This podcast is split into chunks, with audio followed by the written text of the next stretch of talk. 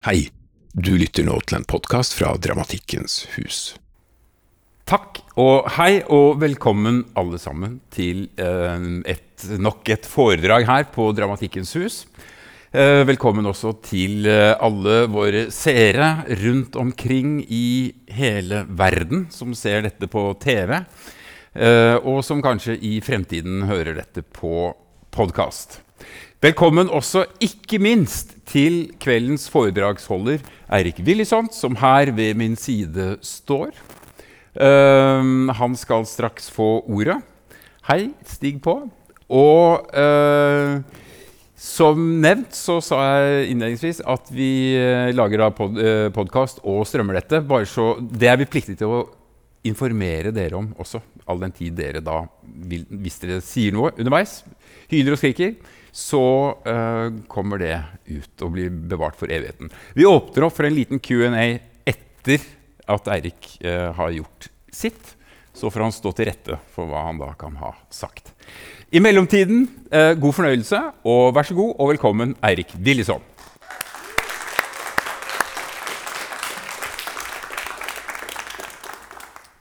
Tusen takk. Kanskje er det slik som en annen østerriker, Sigmund Freud, sa, at biografier er ljug og fanteri som belyser lite annet enn biografens tilkortkommenhet og eventuelle skjulte motiver. Åkke som. Jeg skal starte med å fortelle litt om livet til Thomas Bernhard, som det framstår i et par biografier, og også i de fem memoarbøkene hans, fordi jeg tenkte det kunne være interessant å høre litt om det, og fordi utforskning av egen herkomst er sentralt i litteraturen hans. Thomas Bernhard døde 12.2.1989. Han ble 59 år gammel. Han døde av sykdom. Jeg starter med dødsøyeblikket fordi forfatterskapet er preget av sykdom og død. Thomas Bernhard døde aleine i et av sine tre enorme hus ute på landsbygda i Østerrike. Han levde også aleine. Han hadde ikke engang telefon. Helt aleine levde han for så vidt ikke. Han hadde ei hushjelp som visstnok var døvstum. Thomas Bernhard var et såkalt uekte barn for å unngå kjenselen hadde den gravide og pengelense Herta Bernhard reist til Nederland, der hun flytta inn på en jordmorskole for å stå til tjeneste for jordmorstudentene som studieobjekt. Her kom Thomas ut av henne og inn i verden i 1931, og det tok ikke lang tid før han kjente et ønske om å komme seg ut av den igjen. Herta Bernhard var hushjelp og kjøkkenpike.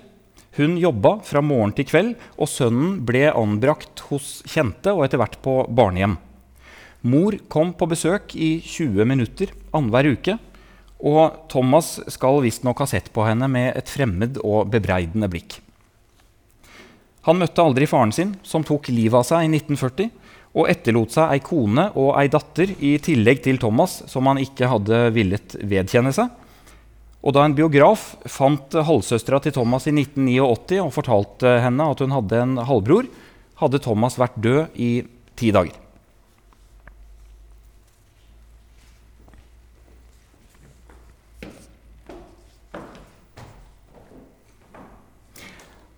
Hertha fikk seg en ektemann, og den nye familien flytta i 1938 til nazistaten Tyskland.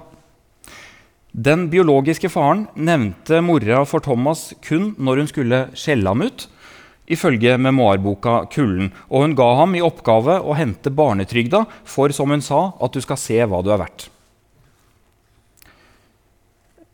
Thomas ble sengeveter, og mora pleide å henge ut tisselakenet så alle kunne se. Rundt den samme tida tenkte Thomas tanken om sjølmord første gang. I en periode under krigen bodde han på et nasjonalsosialistisk hjem for eh, barn med atferdsvansker. Og etter krigen på en internatskole der den nazistiske ledelsen var eh, skifta ut med en katolsk, oppdaga han at tuktmetodene forble de samme. Institusjonene var fremdeles, etter den andre verdenskrigen, tilintetgjørende. Etter krigen flytta han sammen med mora, stefaren, to halvsøsken og besteforeldra til en toromsleilighet i Salzburg. Thomas tilbrakte mye tid med besteforeldra, Johannes og Anna. Johannes, som hadde sjølmordstanker hele livet, innvia barnebarnet, ikke sjølmordstankene, men i, i kunstens og litteraturens verden. Han Johannes var en lite vellykka forfatter som skrev mange tiggerbrev i tillegg til bøker. Han og Anna hadde lenge vært leietagere uten møbler. Johannes hadde solgt alle sammen for å få råd til å skrive mer. En forfatter og hans løsarbeiderkone som ofra seg fullstendig for ektemannens kunstneriske virksomhet, og i nærmiljøet ble de møtt med forakt.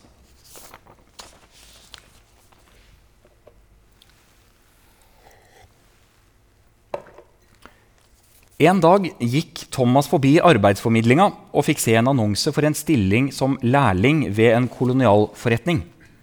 Han fikk den jobben, og 15 år gammel slapp han dermed unna utdanningsinstitusjonenes jerngrep.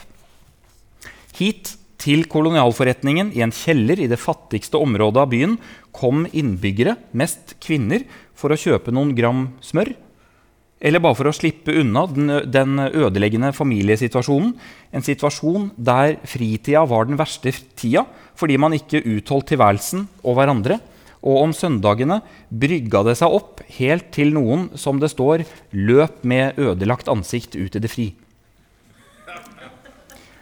Her i kjelleren, antagelig pga. underernæring og det harde arbeidet, ble Thomas sjuk. Etter en forkjølelse fikk han lungebetennelse og brysthinnebetennelse. Og litt seinere, 18 år gammel, fikk han beskjed om at han snart skulle dø.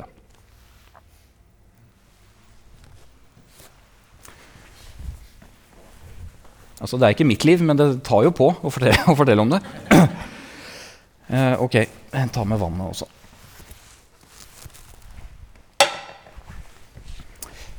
I memoarboka 'Pusten' forteller han at han ble sendt til et sanatorium som i virkeligheten var vel så mye et hospits. Han var omgitt av levende, døde, gamle menn og svært effektive nonner.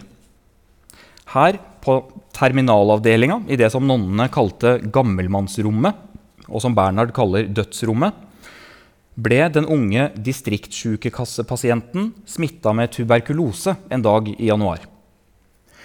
Hver natt døde nye romkamerater, og det han beskriver som ei sammensatt lukt, gjorde det enda vanskeligere for den lungesjuke unge mannen å puste.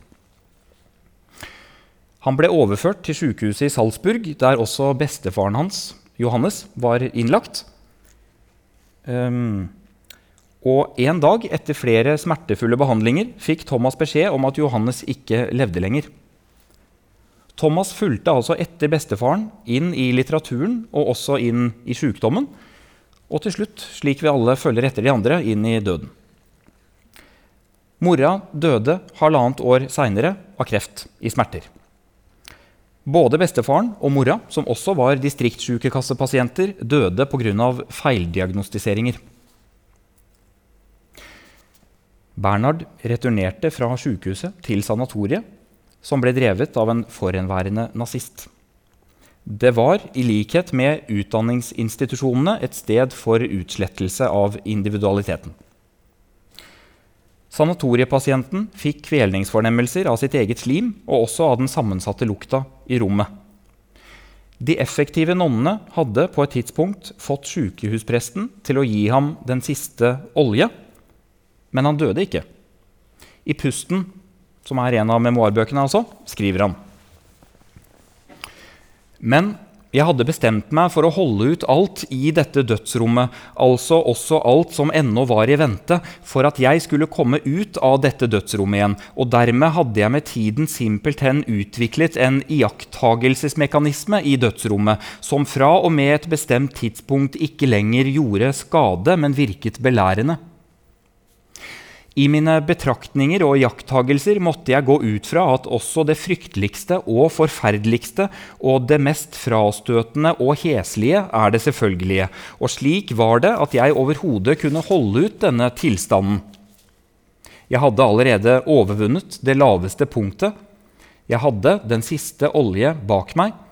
Alt sto igjen på optimismens side.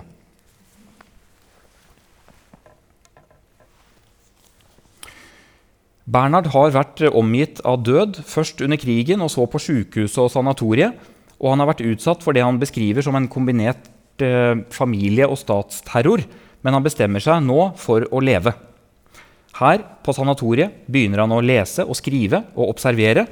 Og han begynner også å synge bak ryggen på legene og greier etter hvert å komme seg ut av sanatoriet. Drømmen om en musikerkarriere måtte han oppgi, men han fikk synge i et eh, kor bestående av lungesjuke med sine, som han selv uttrykte det, skrikende oppspiste struper. Etter hvert tok han en toårig skuespillerutdanning. Han studerte også regi og musikkteori og komposisjon. Disse fem memoarbøkene skildrer de formative åra med nazisme og krig, bomberegn, bomberom, kvesta kropper og sjølmord, og oppholdene ved barnehjem og internatskole og sanatorie og sjukehus. De handler om forfatterens eget liv, den første delen av det. Bøkene er konstruksjoner av et selv, en språklig selvhevdelse, ei livsfortelling. Først og fremst ei fortelling om lidelse og opprør, Dvs. Si opprør for å kunne forme sin egen individualitet. Skrivehandlinga, å skrive 'jeg', 'jeg tenkte' og 'jeg følte', er opprørsk. Bøkene er autofiksjon og skjønnlitterære forfattermytekonstruksjoner. Og snushaneforskere har funnet litt av hvert som visstnok ikke stemmer med virkeligheten. Ingen av disse fem bøkene har kapitler og heller ikke avsnitt. De er én sammenhengende ordstrøm med lange, lange setninger. Åpner du en av dem på en tilfeldig side og begynner å lese en setning fra begynnelsen, er sjansen stor for at du må hive etter pusten. Og sjansen er også ganske stor for at denne setninga, også om det er en av romanene eller skuespillene hans du leser, handler om en person som sier det føles som om han blir kvalt. Biografen Hans Høller forteller at Elfride Jelinek, den østerrikske nobelprisvinnende dramatikeren og forfatteren, har tolket Bernhards hovedpersoners endeløse monologer som en poetisk reaksjon på den sykdomsbetingede kortpustetheten.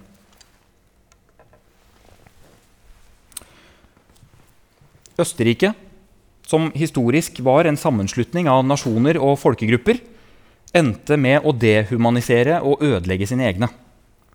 I etterkrigstida ble den nazistiske perioden behandla som et historisk avvik. Et unntak det ikke var nødvendig å ta et oppgjør med fordi det liksom ikke kunne skje igjen. I romanene og skuespillene sørger Bernhard for at denne fortrengte delen av historien får en tilbakekomst. Den trekkes fram i lyset som den ikke tåler, og noen går til grunne. Bak meg her ser vi Bernhard som følger nøye med på prøvene til sitt skuespill 'Heldenplats'. Det ble skrevet på oppdrag i forbindelse med 100-årsjubileet til Burgtheater, det østerrikske nasjonalteatret, i 1988. Bernhards påstand med skuespillet er at 1988 kan byttes ut med 1938. Og 1938 var jo da året for Hitlers inntog i Østerrike og talen han holdt på Heldenplatz like ved teaterbygningen for en jublende folkemasse. I Heldenplatz samles noen jøder i en leilighet i forbindelse med begravelsen til en professor som var kommet hjem fra eksil i England.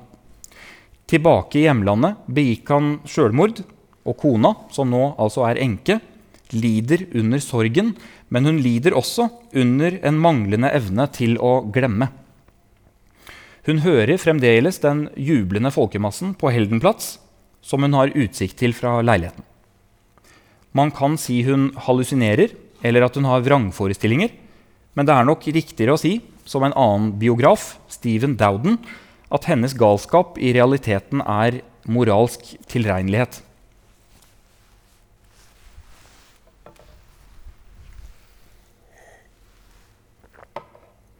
Heldenplatz ble en stor skandale, komplett med skriverier i avisene, og også, og også som vi ser her på bildet, eh, demonstrasjoner mot Bernhard og skuespillet hans. Det ble altså en form for totalteater, skandalekunst, og det var ikke noe uvanlig med det. F.eks. ble en av Bernhards romaner, 'Trær som faller', noen år tidligere beslaglagt av politiet.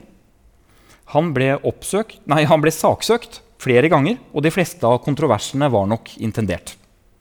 Han ville ha mest mulig oppmerksomhet rundt utgivelsene sine for å selge flest mulig eksemplarer, og gjennom salgsinntektene unngå å leve i armod, som bestefarforfatteren hadde gjort.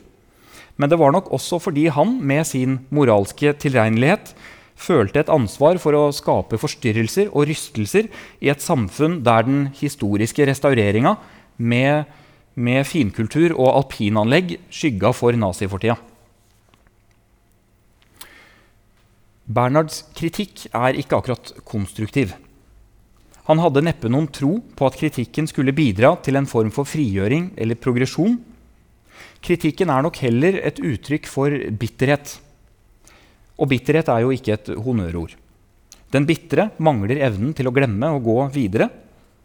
Og det er nettopp det som er poenget for Bernhard og fortellerne hans, tror jeg. Noen ting, og særlig grusomheter, bør ikke tilgis, og dermed heller ikke glemmes. Bitterheten behøver ikke å være uttrykk for svakhet eller smålighet. Det kan være en form for moralsk opprør.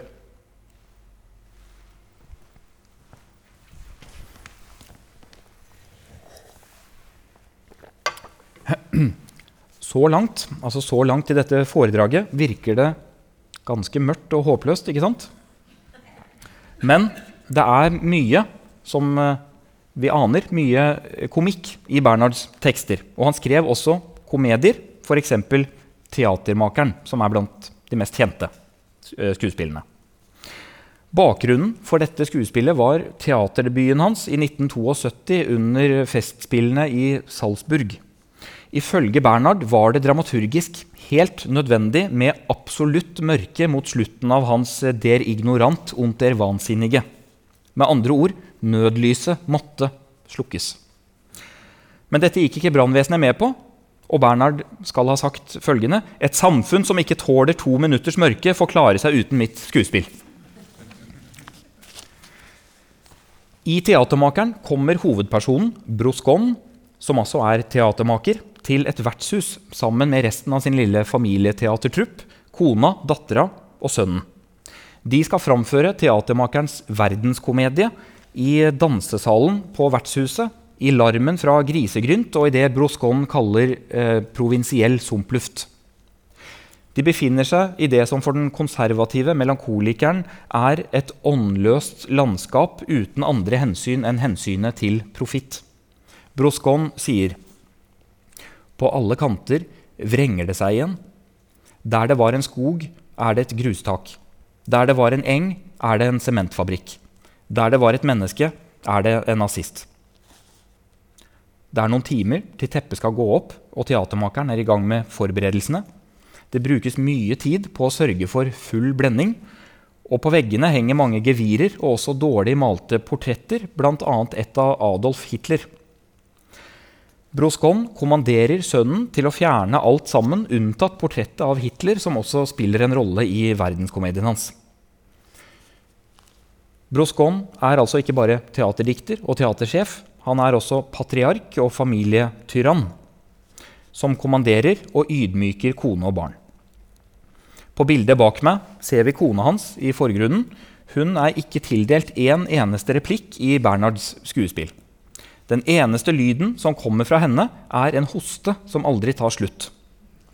I Teatermakerens verdenskomedie skal hun spille Madame Curie.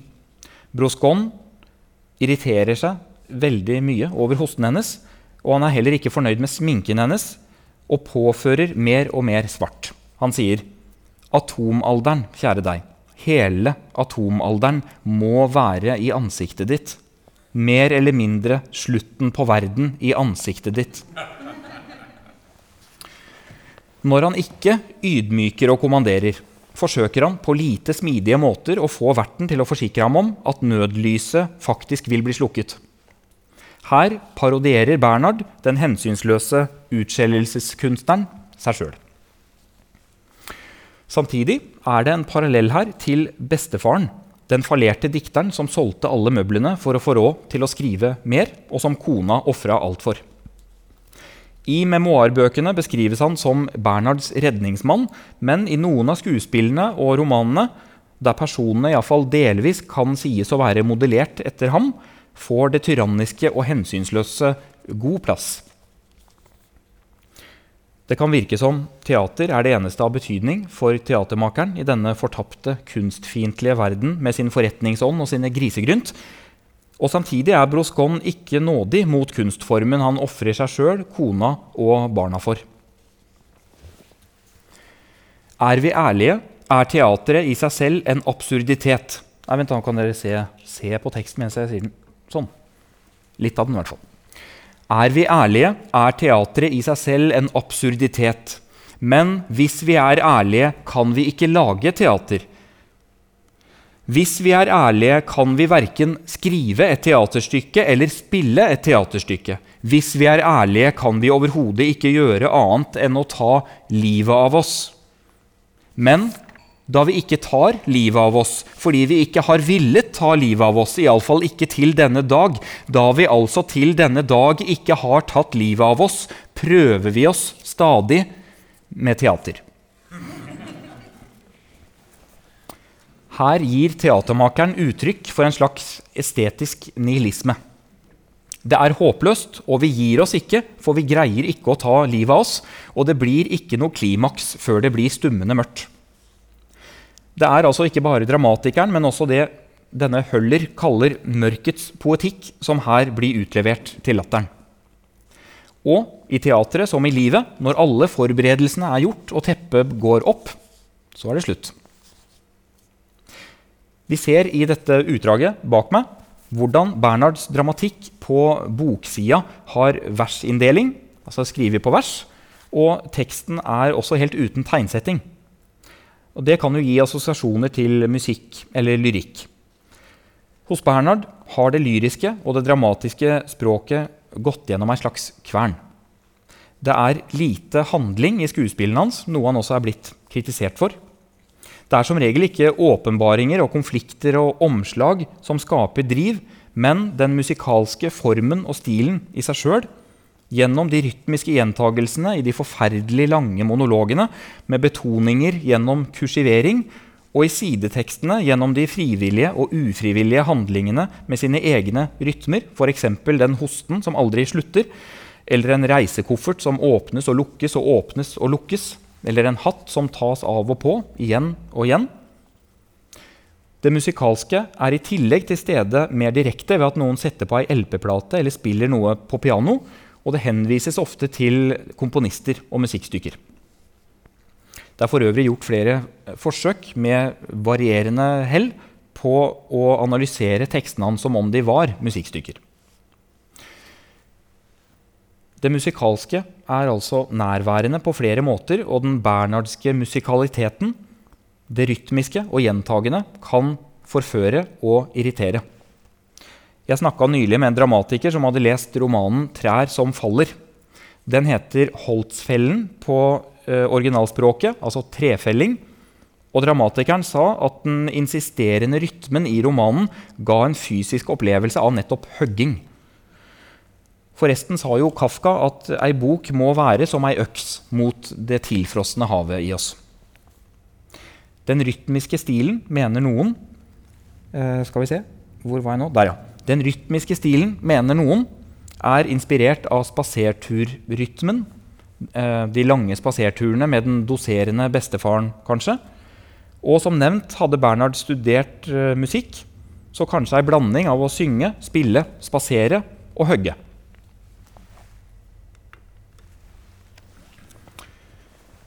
Ikke bare skuespillene, men også romanene har forferdelig lange monologer. Og de er forferdelig lange ikke bare fordi de er lange, men også fordi de er uten håp og uten vilje til dialog. De kretser om seg sjøl og ender i tomhet. Monologene er ut uttrykk for en fortvilt taletrang, en kamp mot lidelsen og den eksistensielle tom ensomheten, som de samtidig er et symptom på og bidrar til å opprettholde ved ikke å slippe til den andre. De er sjukelige og maniske på grensa til galskapen og tausheten og jeg-oppløsninga. Jeg skal lese litt fra et annet stykke. Her ser dere en, en oppsetning, bilde fra en oppsetning bak meg. Eh, dette stykket, 'Ved målet', er oversatt eh, til nynorsk av Jon Fosse.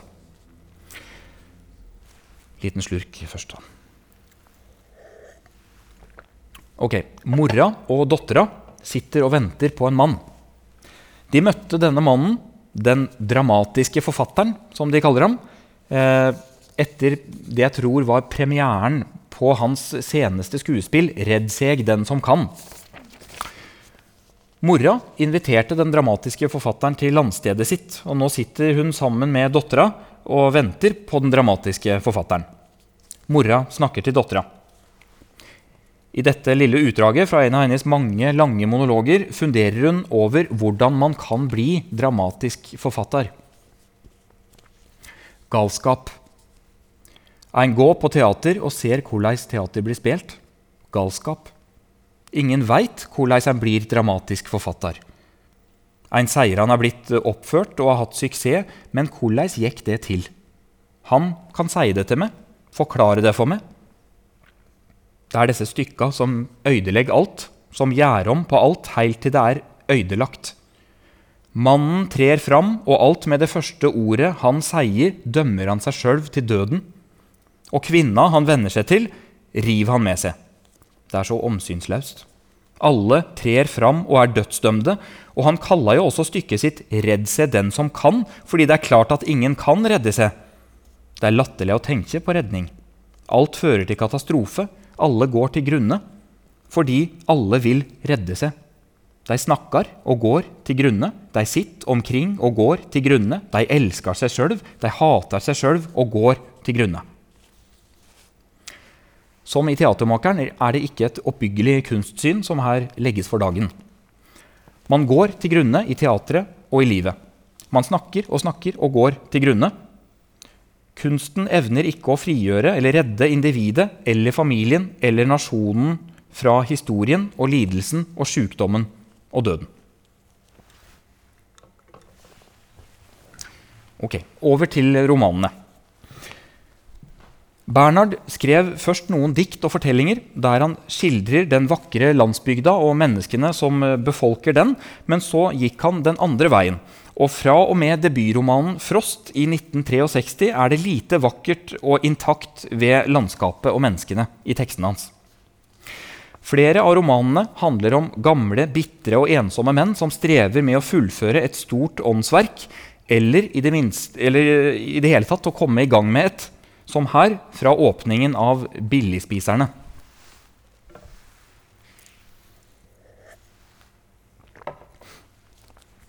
På den turen han i studieøyemed i ukevis om kvelden, de siste tre dagene også ved sekstiden om morgenen, hadde foretatt til Wertheimsteinparken, der han pga. de ideelle naturforholdene som rådet akkurat der, etter lang tid igjen hadde klart å komme ut av en fullstendig verdiløs tenkning omkring sin fysiognomikk og vende tilbake til en brukbar, ja, når alt kom til alt, overordentlig nyttig tenkning, og altså til gjenopptagelse av skriftet som i hans tilstand av manglende konsentrasjon var blitt liggende i altfor lang tid allerede, et skrift hvis tilblivelse jo ytterligere et skrift var avhengig av, og hvis tilblivelse igjen enda et skrift faktisk faktisk var avhengig av. Og dessuten et fjerde skrift om fysiognomikk som var avhengig av de, disse tre skriftene som absolutt måtte skrives, og som faktisk hans fremtidige vitenskapelige arbeid, og deretter faktisk hele hans fremtidige eksistens, var avhengig av, var han på denne turen med ett og helt plutselig gått til det gamle eiketreet i stedet for til det gamle asketreet, som han vanligvis gjorde, og hadde dermed støtt på dem han kalte billigspiserne dem han i mange år hadde spist billig sammen med. For billigspiseren er det altså fysiognomikk det dreier seg om, mens hovedpersonen i Das Kalkverk strever med å utarbeide en uttømmende hørselsstudie. Rent praktisk foregår denne studien ved at han sier det samme inn i øra på sin funksjonsnedsatte kone, som også er hans halvsøster, igjen og igjen, det samme inn i øra hennes, og han forlanger at hun skal skille disse tilsynelatende identiske frasene fra hverandre ved å registrere ørsmå lydlige variasjoner. Jo mer han studerer hørselens vesen, desto mindre lytter han til kona. I 30 år har han venta på det ideelle øyeblikket som vil gjøre det mulig å utarbeide konklusjonen. I korrektur møter vi Konrad, en søvnløs forsker som er besatt av sitt forestående mesterverk, et kjegleforma hus han skal konstruere til søstera si. Huset blir faktisk ferdig, og søstera flytter inn i det og går under. Perfeksjonen er umenneskelig, og derfor er den dødelig. Den er, om man når den eller ikke, tilintetgjørende. I våre dager er det jo ikke få som går til grunne i forsøket på å bli den perfekte versjonen av seg sjøl. Det er seg sjøl man skaper og perfeksjonerer og altså ødelegger, og gjerne også ødelegger noen andre i samme slengen, mens det hos Bernhard handler om ideologiske utopier om den fullkomne nasjonalstaten eller jakta på det perfekte åndsverket eller kunstverket.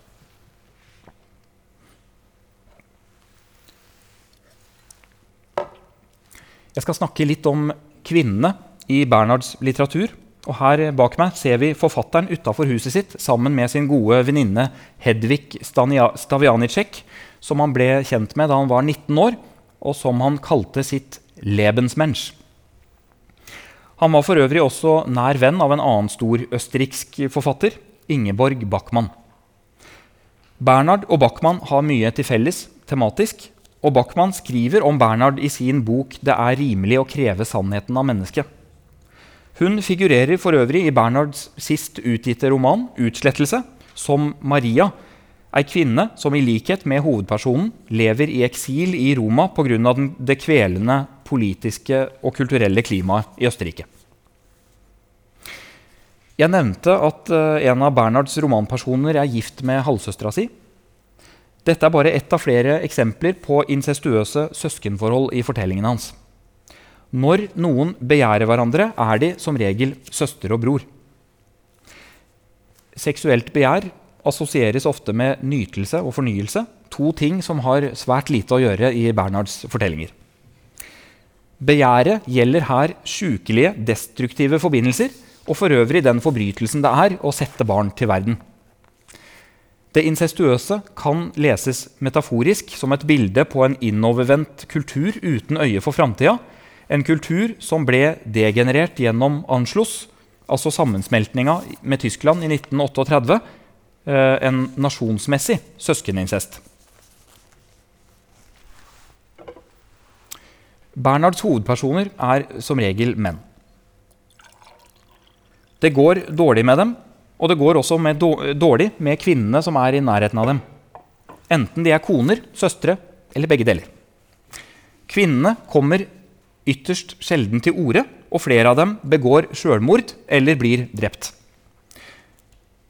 Den kanskje mest kjente feministiske kritikken av Bernhards forfatterskap kom i 1980 fra den tyske poeten, dramatikeren og forfatteren Ria Endres. Det patriarkalske, skrev hun, er til stede i Bernhards romaner både i det tematiske og i det syntaktiske. I den repetitive og statiske strukturen som en slags patriarkatets siste krampetrekning. Bernhards protagonister handler og snakker for å kompensere for en manglende fruktbarhet eller potens. Den grenseløse intellektualiteten er et forsøk på å undertrykke naturen, kroppen, det libidinøse og det feminine. Kvinner er ikke til stede i tekstene hans på andre måter enn som mannlige projeksjoner, skrev Endres. Ifølge en litteraturprofessor som heter Jonathan Long, kan det virke som Endres mener Bernhards litterære figurer er talerør for forfatteren. I boka 'The Novels of Thomas Bernhard' skriver Long, min uh, oversettelse når forfatter-forteller-identifikasjonen demonteres, blir det mulig å komme med de samme poengene som Endres, men vurdere Bernhards prestasjon på en annen måte og rose hans enestående diagnose av den patriarkalske blindveien mot slutten av det 20. århundre.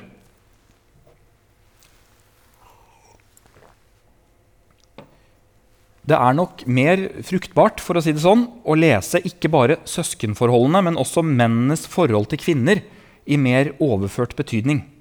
Skiller vi fortelleren fra forfatteren, kan vi lese misogynien som kritikk av en destruktiv og sjøldestruktiv form for mannlighet. Kvinner kan true den mannlige stoltheten eh, og autonomien bl.a. ved å in eh, insistere på kommunikasjon og intimitet hele tida, eller også er kvinnehatet litt på samme måte som med homofobien invertert sjølhatt. Mannen tåler ikke å bli konfrontert med det feminine i en annen fordi han ikke tåler det i seg sjøl. Kona hans eller søstera, eller som i boka 'Amras', den sarte, feminine og kunstneriske tvillingbroren, går til grunne og dør. De kan leses som en side ved hovedpersonene, en side de forakter, fornekter og dermed tar livet av. Som Stephen Dowden skriver, 'To agree with Thomas, Thomas Bernhard is to misunderstand him'. Jeg gjentar et par linjer fra skuespillet ved målet, eh, der hovedpersonen, som her eh, snakker og snakker, for en gangs skyld er ei kvinne. Hun, mora, sier Mannen trer fram, og alt med det første ordet han sier, dømmer han seg sjøl til døden. Og kvinna han venner seg til, river han med seg. Flere av Bernhards mannlige hovedpersoner snakker og snakker stygt om kvinner og behandler dem på de mest brutale måter, men det er ikke så lett å identifisere seg med disse hovedpersonene. Bernhard oppretter en distanse mellom den og leseren og oppmuntrer oss til å forholde oss kritisk til dem og det de forteller. De er ikke vanskelig å identifisere seg med bare pga. kvinneforakten og brutaliteten. Monologene med alle gjentagelsene og overdrivelsene og de lange lange periodene er ganske fjernt fra den gjengse lesers talemåte, og de fleste av oss mener ikke at livet og tilværelsen er utelukkende smerte og lidelse og elendighet. I memoarbøkene forteller forfatterfortelleren om hvordan mora gjorde sitt beste for å såre ham med det nevnte offentliggjorte tisselakenet, og hvilke ord hun valgte å bruke når hun skulle be ham hente barnetrygda, men også med andre ord, f.eks. 'Du er min død' og med oksepisken. Også i romanene har hovedpersonene et problematisk forhold til sin herkomst, eller byrd, et ord med samme opprinnelse som byrde, altså noe tungt som må bæres. Men heller enn å brette ut om nøyaktig hva som skjedde og skjer, gjentar hovedpersonene det samme at lidelsen ble og blir påført, at det var og er forferdelig, gement og katastrofalt. Det emosjonelle ligger ikke så mye i det fortalte som hvordan det fortelles, i de følelsesladde enetallene. Bernhards litterære figurer er ikke mangesidige, helstøpte psykologiske størrelser. Memoarbøkene skildrer betydninga av de tidlige katastrofene og særlig tapene, men det fortrengte er ikke først og fremst individets eh, traumer, altså det fortrengte i romanene. Det handler om en kombinert familie- og statsterror. Familien blir ofte en metafor for nasjonen, og huset eller landskapet en metafor for landet. Det fortrengte er historien. Byrden som ikke bæres, er historien. Sjukdommen er en reaksjon på familiens eller nazismens og katolisismens og patriarkatets ødeleggelser. Kjent fjes.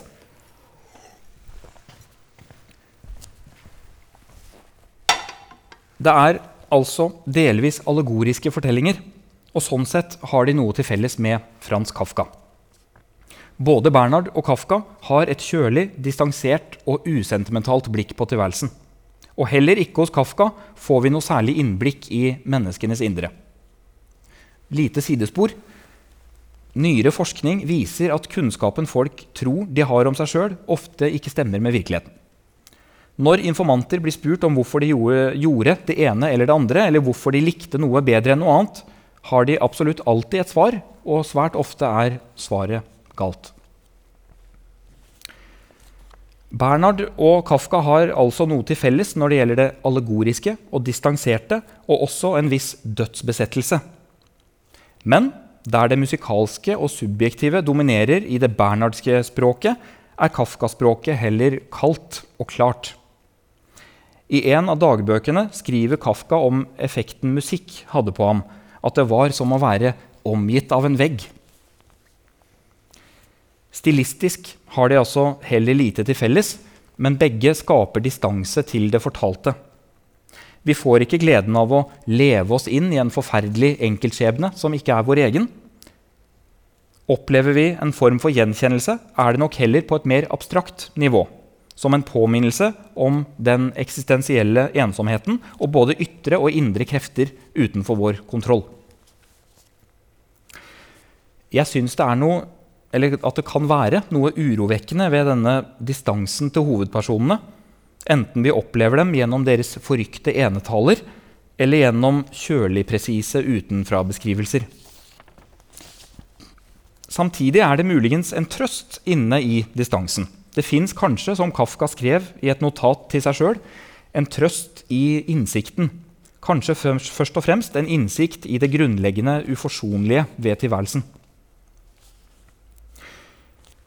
Når det gjelder, gjelder Bernhard-romanene, så opprettes distansen også ved at fortelleren er et vitne som rekonstruerer eller gjengir det hovedpersonen sa, nærmest som en buktaler. Hovedpersonen går ofte under, men fortelleren går det bra med.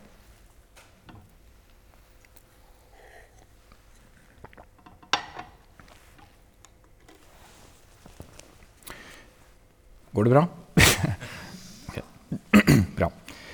Bernhards romanfigurer er altså ikke så lette å identifisere seg med. Og han bruker noen fortellerteknikker for å skape avstand mellom hovedpersonen og forteller og leser. Jeg skal prøve å vise en av måtene han gjør dette på, med et eksempel fra en av de første romanene hans, 'Forstyrrelse', som var Bernhards internasjonale gjennombrudd, og som skiller seg ut eh, formmessig, syns jeg, i forfatterskapet. Nå blir det en liten lesestund. Fortelleren i 'Forstyrrelse' er en ung mann, en gruvedriftsstudent, som blir med faren sin, en empatisk distriktslege, på hjemmebesøk hos pasienter som lever isolert i ei djup kløft i det østerrikske fjellandskapet. Distriktslegen var, står det i romanen, for lengst vant til å være offer for en tvers igjennom syk befolkning med sterke tendenser i retning av voldelighet og galskap. Denne høstdagen blir en slags dannelsesreise for sønnen, eller en reise gjennom helvete.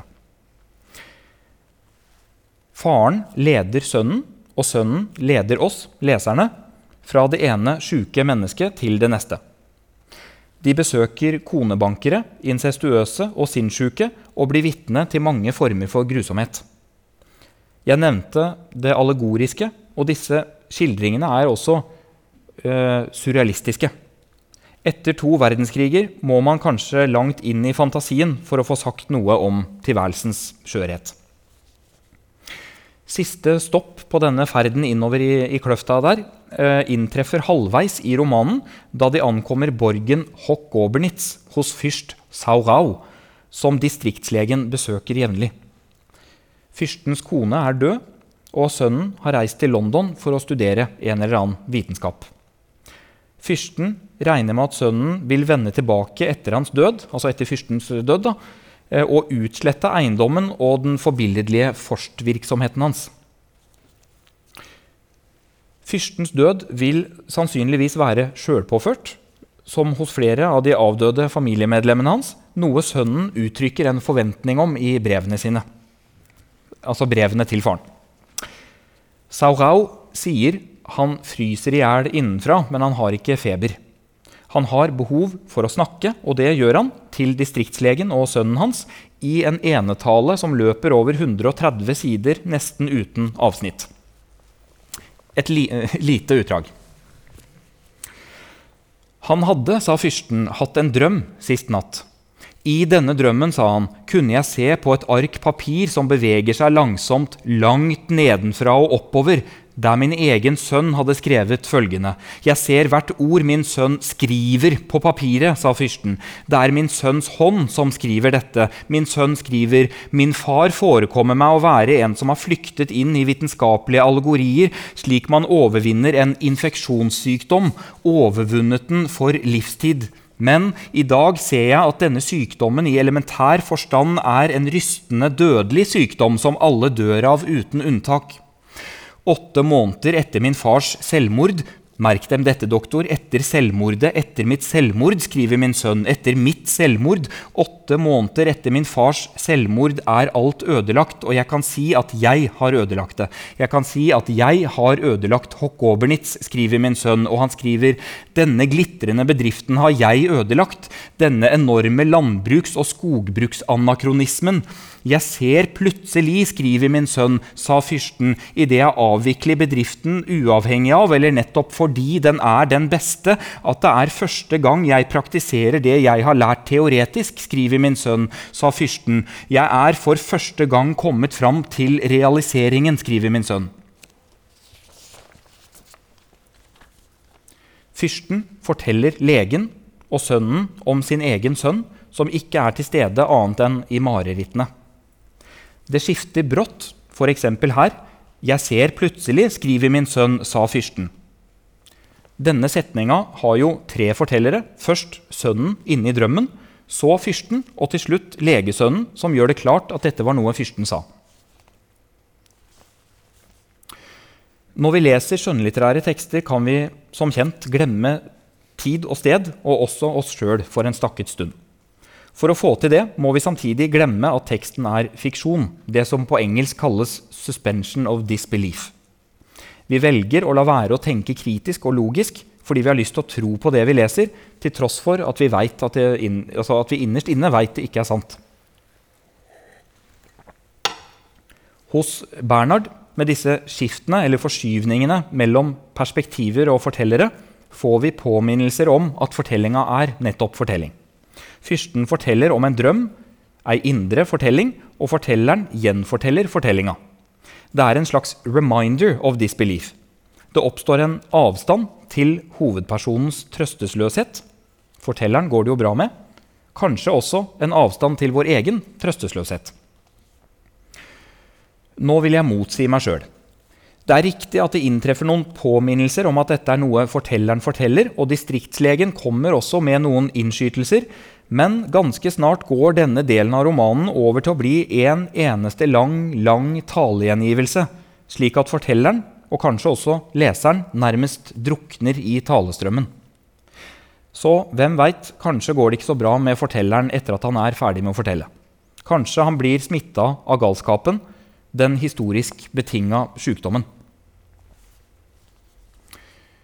Peter Hanke den østerrikske nobelprisvinnende forfatteren og dramatikeren, anmeldte forstyrrelse da den kom ut, og han skrev at fyrsten snakker som om han vil redde sitt liv.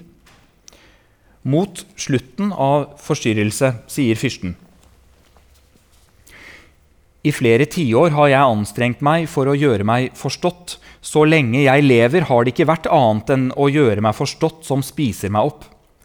Først begynte jeg med å gjøre meg forstått for mine foreldre, søsken, mine barn. Alle mennesker ville jeg gjøre meg forstått for. Nå forsøker jeg å gjøre meg forstått for dem, for deres sønn. Faktisk, sa fyrsten, kan disse septembernettene allerede være svært kalde. Kulden kommer nedenfra og opp, fra kløften. Her er det en iskulde som hersker. Hokkobernitz er av is. Figurer som er stivnet til is på Hokobernitz, Den tiden vi har å leve, strekker åpenbart ikke til for å gjøre oss forstått. Fyrsten virker ikke frisk.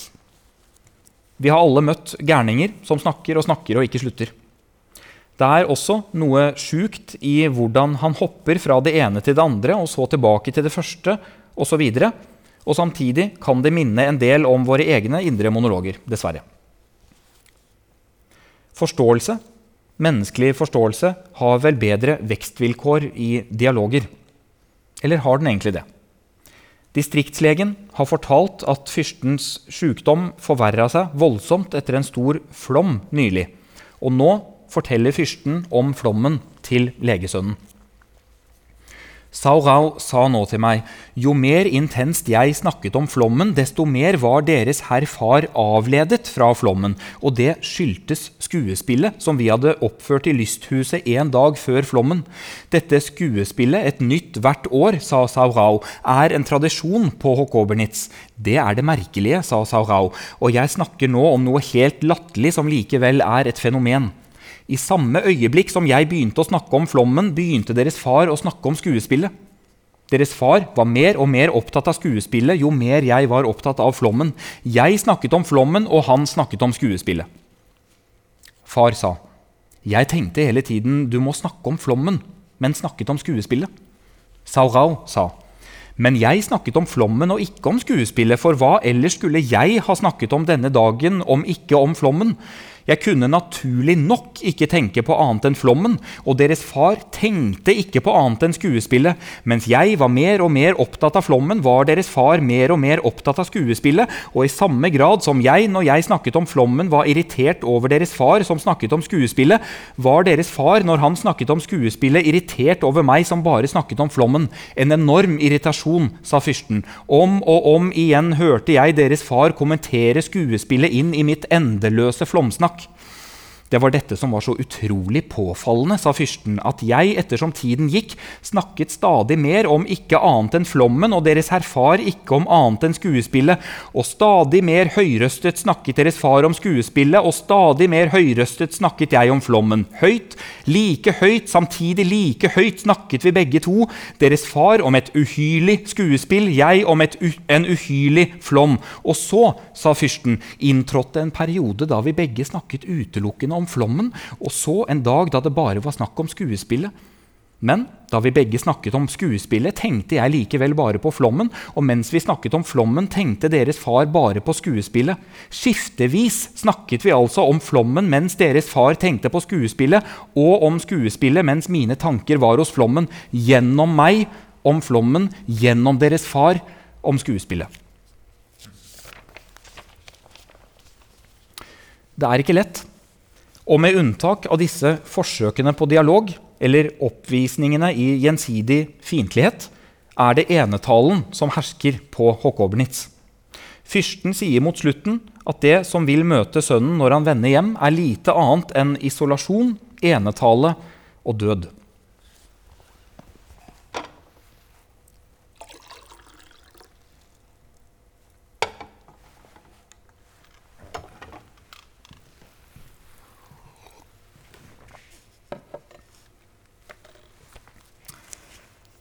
Vi forstår ikke oss sjøl.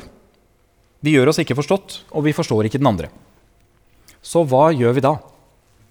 Vi søker selvfølgelig tilflukt i en krok eller oppe i et tårn i selskap med vår Montaigne, som sa at å filosofere er å lære å dø, eller vår Schopenhauer, og kanskje får vi besøk av Wittgensteins nevø. De store tenkerne som dukker opp igjen og igjen i forfatterskapet, er kanskje en slags iscenesettelse av farsfigurer. Um, og ensomme genier. Særlig Schopenhauer og Wittgenstein opptrer ofte på ulike måter. Jeg nevnte romanen 'Korrektur', der hovedpersonen konstruerer et kjegleforma hus til søstera si. Her er det en parallell til filosofen Ludvig Wittgenstein, som også figurerer i flere andre tekster. Noen ganger indirekte, da, som uh, sin nevø. Også Wittgenstein brukte mye tid på å utforme et hus til søstera si. Riktignok et forholdsvis eh, som vi ser her på bildet, vanlig hus med rette vinkler, og som ikke var dødelig. Wittgenstein, det østerrikske geniet, er kjent for å ha sagt til sine studenter ved Cambridge at de ikke burde kaste bort tida si på å lese filosofi. Han mente filosofien roter seg bort i språklig forvirring. Han, Wittgenstein, regnes av mange for å være den mest innflytelsesrike filosofen i det 20. århundre. Han tilhørte en familie prega av sinnssykdom og sjølmord. Wittgenstein var opptatt hva som egentlig er mulig å snakke meningsfullt om. Hvordan mening er noe som oppstår gjennom språkbruk oss mennesker imellom. Og hvordan språklig skråsikkerhet kan eh, f.eks. kan føre til at vi undervurderer og misforstår folk vi kaller sinnssyke. For Bernhard tror jeg parallellene til Wittgenstein handler om en skepsis til innsikt gjennom introspeksjon. Hva eller hvor lite filosofiske og for så vidt også vitenskapelige teorier har å si oss, og å berøre spørsmål om språk, sannhet, sykdom og galskap. Det er jo ikke uvanlig i fortellinger at syke mennesker eller blinde ser noe andre ikke ser. Sykdommen kan opprette forbindelse til et slags eksistensielt grunnivå. Den kan skape et rom, kanskje oppi et tårn, hvorfra det blir mulig å orientere seg i kaoset og få øye på noen underliggende vilkår. Når Bernhards hovedpersoner trekker seg tilbake for å lese, som Montaigne i tårnet sitt, er det ofte i selskap med en annen filosof, pessimisten og misantropen Arthur Schopenhauer. Akkurat som de fleste av Bernhards romanfigurer kunne Schopenhauer vie all sin tid til åndsarbeidet fordi han hadde veldig mye arvepenger. Han kunne altså gjøre hva han ville, men han, men han sa det hadde vært bedre ikke å være født lite sitat fra boka som på engelsk heter 'On the Suffering of the World', min oversettelse. For å teste antagelsen om at gleden oppveier smerten i denne verden, eller at de er mer eller mindre i balanse, kan vi sammenligne følelsene hos et dyr som er i ferd med å spise et annet dyr, med følelsene hos dyret som blir spist. Naturen bryr seg ikke om individet, og denne naturlige, brutale nådeløsheten nevnes ofte av Bernhards litterære individer. Smerten er det grunnleggende i livet, og tilfredsheten er bare en midlertidig fortrengning av smerten. Schopenhauer mener det er noe grunnleggende galt og problematisk ved menneskets tilværelse, noe som viser seg i vår lidelse. Mye av lidelsen kan spores til dødsfrykten hos dem som ikke tror de er eh, sikra evig liv i det hinsidige. Vi veit vi skal opphøre å eksistere, men vi har et urinstinkt felles med alt annet i naturen, en vilje til liv. Og det er denne viljen som gjør døden problematisk. Altså, når vi er døde, vil vi ikke merke at vi er det. Døden er ingen begivenhet i livet, som Wittgenstein påpekte, men hva hjelper det så lenge vi er levende? Hovedpoenget i Schopenhauers bok 'Verden som vilje og forestilling' ligger i tittelen. Verden, eller virkeligheten, kommer til uttrykk både som vilje og som forestilling. Som forestilling er verden kort sagt det jeg erfarer den som. Det som ligger under, var for Schopenhauer den meningsløse krafta han kalte vilje. Viljen er ei blind kraft som fins overalt og i alt i naturen. Den er kort sagt det som får noe til å skje. Snøen smelter, hvitveisen blomstrer, det ene dyret spiser det andre, og jeg kommer hjem, blid og fornøyd, med et nytt handlenett oppi mitt gamle handlenett. Smerten i livet handler ikke bare om at mennesket er sjølbevisst og derfor klar over at det skal dø. Det handler også om at vi alltid ønsker oss noe vi ikke har. Kanskje får vi det, eller vi tilegner oss det på en eller annen måte. Og like etter kjenner vi et sterkt behov for nye ting, som kjent, enten vi trenger dem eller ikke. Å lengte etter nye ting, flere ting, som på ingen måte begrenser seg til fysiske gjenstander, handler ikke bare om trygghet og vite at vi har tilstrekkelig med brød og mjølk og, og toalettpapir og møbelpuss, men også det den franske teoretikeren René Girard kaller mimetisk begjær. Ofte begjærer vi ikke tingen i seg sjøl. Vi vil bare ha det andre har, og det slutter aldri. Det er alles kamp mot alle. Vi blir aldri tilfreds. Vi får aldri fred. En midlertidig løsning for Schopenhauer var også konstruktiv, eh, var kunst. Gjennom kunsten kan man kontemplere noe sant og skjønt og få en liten, liten anledning til å glemme seg sjøl og sin meningsløse streben, og da særlig gjennom musikk. Schopenhauer mente musikken på sitt beste er intet mindre enn en kopi av viljen, og at vi dermed, gjennom å lytte til musikk, kan få små glimt av den virkelige virkeligheten. Men Man kan ikke lytte til musikk alltid. En mer permanent løsning er askesen, altså å for forsøke å utslette viljen i seg selv. Men det er ikke lett. En tredje løsning kan være ignoransen, å bli ignorant som en ungdom. Men heller ikke det er lett etter man er blitt voksen. En fjerde løsning kan være å forsøke å identifisere seg med det vi har til felles med andre mennesker, viljen og lidelsen og den forestående utslettelsen. Det er altså ikke bare smerte og elendighet i denne filosofien, men også en moral. Om jeg identifiserer meg med deg og skader deg, skader jeg meg sjøl. Jeg nevnte at Kafka skrev om innsikt. Det er gjennom innsikten i vår felles misere vi kan gjennomskue viljen. Noe annet vi har til felles, er språket. Og Ifølge mine gamle notater mener Schopenhauer det er i språket vi er nærmest viljen til liv. Foruten i musikken, da. Hos Thomas Bernhard kommer denne viljen på et individuelt nivå til uttrykk som et forsvar mot utslettelse og et forsøk på å gi sykdommen en betydning som er til å leve med. Samtidig er kanskje litteraturen hans et forsøk på å utslette det sjuke ved det østerrikske og erstatte det med et språk som er rensa for sykdom. Den språklige utsigelsen innebærer at Bernhard involverer seg i noe som overskrider hans egen forgjengelighet. Også for fyrst Saurau som mener at både Hokobernitz og han selv er i ferd med å utslettes, dreier det seg om en fortvilelse som er personlig, men også overskrider det individuelle. Som legesønnen bemerker, nesten alle setningene han plutselig hemningsløst injiserte sin pine i, avsluttet han med 'for hele menneskeheten'. Det musikalske Bernhard-språket med alle overdrivelsene og de rytmiske gjentagelsene er et performativt, rituelt språk. Bernhard hugger, trærne faller, og han planter ikke nye. Han stiller ikke opp alternativer. Han er nihilist, både i den forstand at han mener tilværelsen er meningsløs, og ved å avvise visse tradisjoner, normer og verdier i det østerrikske samfunnet. Dessuten er han pessimist.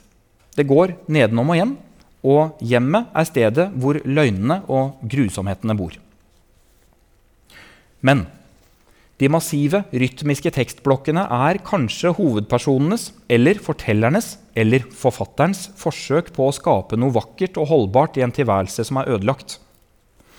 Det er, syns jeg, et slags håpløst håp i selve formen. Kunsten gjør det muligens mulig å transcendere og altså glemme håpløsheten for en stund. Det er kanskje ikke helt riktig at Bernhard feller trær uten å plante nye. Han stiller opp verdien av å huske og insistere på ikke å glemme, og å snakke sant, koste hva det koste vil. Jeg skal avslutte med et sitat fra eh, ei bok om å skrive, 'Three Steps on the Ladder of Writing', som den heter på engelsk, av forfatter og dramatiker Helen Sicot. I denne boka bruker hun en del eksempler fra sine favorittforfatterskap, bl.a. Eh, Bernhards og Kafkas. Eh, og jeg har gjort et forsøk på å oversette til norsk. Siko skriver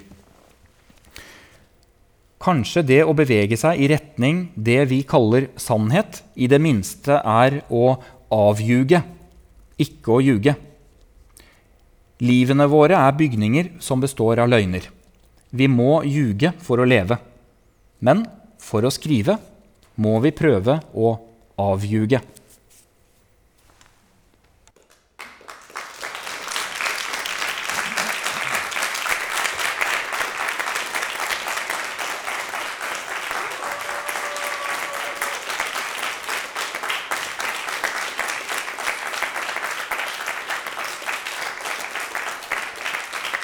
Takk.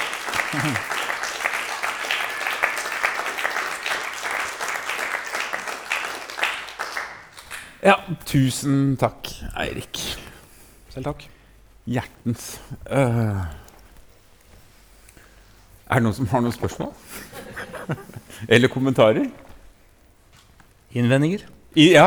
Protester? Ja. Det er jo, jeg, vi Ja, snakka så vidt før jeg begynte bare om at eh, det Har det gått en time, liksom? Eller? Ja, det har det Ja. litt over en time. Mm. Nei, at eh, Jeg tenkte det var gøy å liksom lese litt ut, at man liksom får høre litt fra tekstene også, men det var jo, var jo bare et lite og egentlig litt tilfeldig utvalg, for så vidt. Eh, ikke helt tilfeldig, da, det var det ikke, men, men jeg, ja, den romanen jeg hang meg litt opp i her, opplesningsmessig, er, jo den, er jo en av de aller første. Det er vel den andre romanen han ga ut, da, den 'Forstyrrelse', Mm. som ikke er blant de mest kjente, men jeg tenkte det kunne være litt gøy å høre litt fra den eh, som man kanskje ikke har hørt så mye om fra før. Men, eh, eh, men hvis noen har noen tanker eller spørsmål om noen andre tekster, eller hva som helst, egentlig, så er det bare hyggelig, det. Ja. Da får du en mikrofon av Ja. Julia, som kommer der. Sånn at den går Eh, Ja. Ha det. Uh, hvor finner man dramaene til Bernhard? For de er ikke, så lett å få tak i. Eller, Ja. Det er på grunn av pod- ja. ja. Eh, for han er, ikke, han er ikke lett å få tak i på norsk. Nei, det er han ikke. ikke. virkelig ikke. Det er mm, Han er ikke det. vanskelig. Mhm, det er det. Det er um, altså sånn på, på biblioteket, da, eller antikvariat.net, kan man jo alltid prøve, da. Eh, mm.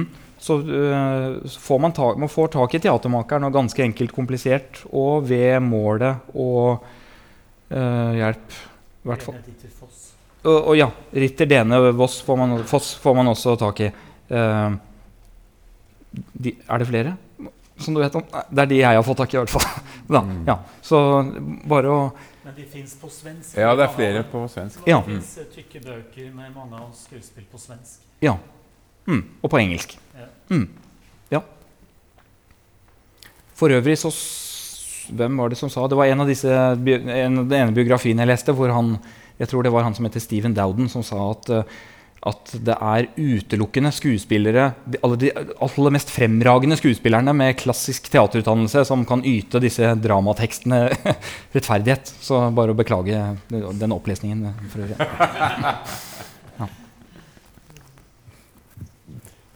Flere spørsmål eller et eller annet? Kjetil? Yes. Der kommer Julia med mikrofon. Jeg har bare lyst til å si Jeg har lest, jeg var helt besatt av Bernhard eh, det er en stund siden og lest vel alt omtrent. Og det er noe av det mest inspirerende og positive opplevelsene jeg har hatt, som liksom gjør meg kreativ. Så jeg vil bare si det når Kanskje det høres ut som alt er bare negativt Ja. og elendighet, Ja. men han er jo en mester, en sånn språklig mester, som gjør at man får følelsen når man leser en Bernhard-roman, at, man har, eh, at det er et stort kunstverk. Ja. Og det gir jo en slags inspirasjon til selv å gå i gang og arbeide. ikke sant? Mm. Og jeg kanskje nevne at en av Norges største forfattere er jo kjempe-Bernhard-inspirert. Mm. Dag Sol, Solstad. Ja. Han hadde vel ikke skrevet som han gjør nå uten, eller som han gjør uten Bernhard. Ikke sant? Nei, Ja, ikke sant. Mm. Noe han ikke vil innrømme selv, sikkert. Ja, nei, jo, litt delvis. Ja, Ja. ja. Ja. Man, man kan gjenkjenne Bernhards form veldig, og Ja. hans også kynisme og sånn i Dag Solstad sin, sitt forfatterskap. Ja. ja, absolutt. Mm. Ja, det er et veldig viktig poeng. Altså. Jeg, jeg merka mens jeg snakka at nå ble det veldig dystert og mørkt her. Men det er jo, som du sier, det er jo en helt sånn uovertruffen, særegen eh, språkkunst eh, han bedriver, som, som gir en sånn sterk, eh, stor glede da, for veldig mange. Meg også, når man leser.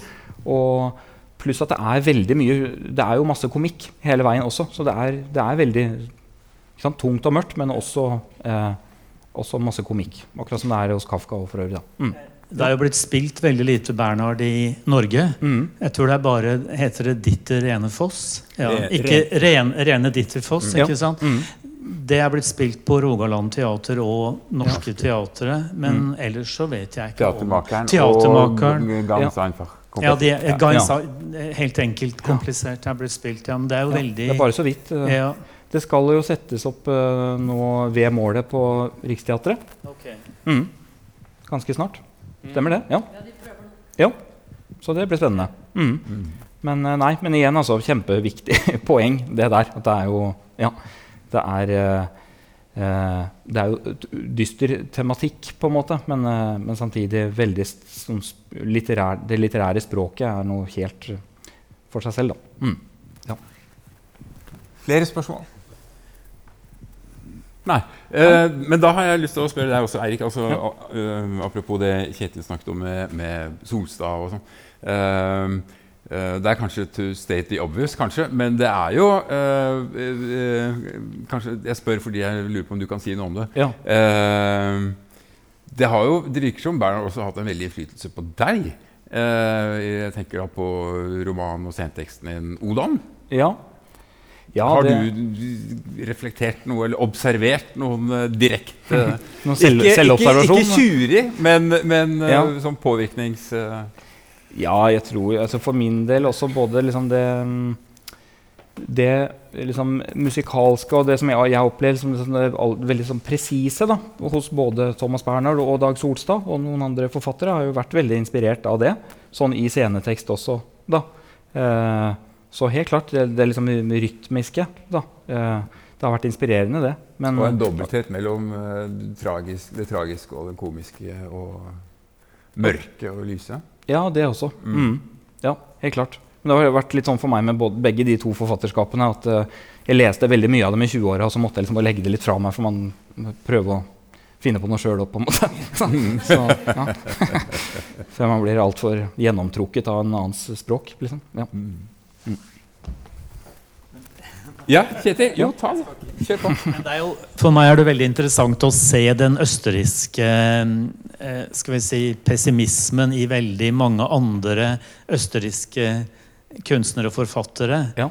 I Haneke sine filmer og hos Peter Hanke og hos uh, Jelinek. Ja. Det er jo en sammenheng der. Som Bernhard står jo inne i en slags eh, østerriksk eh, elendighet på en eller annen måte, som kommer til uttrykk i, i mange andre østerrikeres eh, kunstnerskap. Ja. Ikke sant? Kan du si noe mer om, noe om det? Hvilken forbindelse det er til Nei. Nei, jeg kan ikke si noe smart på stående fot tror jeg, om, om slektskap. Så, men, jeg, øh, men liksom Nei, hva skal jeg si? Ja? Liksom Sammenligne med, med, med Hanke, f.eks., det er jo veldig, veldig ulikt øh, sånn jeg opplever det, da. Te- Tekstlig, på en måte. Men øh, Nei, jeg vet ikke hvis, altså, sånn, Prøve å si noe på, på rappen. På en måte, så da opplever jeg at, ja, det, som du sier, at det er det kyniske kyniske, men, men kynisk på en veldig sånn konfronterende måte. Da. Altså, det ligger en, på en, måte en, ja, en sånn stor vilje i, i, i den kynismen på en måte, eh, hos eh, eh, flere østerrikske samtidige forfattere der. Da. Eh, men også en sånn jeg vet ikke hva man skal kalle det, sp språkvilje, på en måte. Da. Også hos Jelinek og, og Ingeborg Backman også. En sånn vilje til å bare insistere på å jobbe, jobbe veldig hardt for å prøve å få sagt noe som er sant. da, Litterært. Eh, men utover det eh, ikke noe Kommer ikke noe herfra. filmene til Haneke. Og filmen Ja. Jeg syns de er veldig tett på Bernhard sin eh, roman. Ja. Ja. Enig.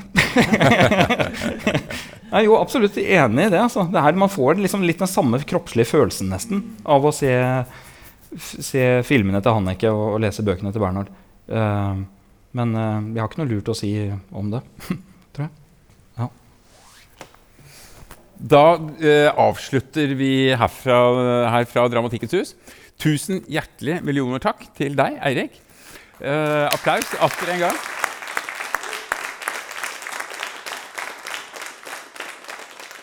Du har hørt en podkast fra Dramatikkens hus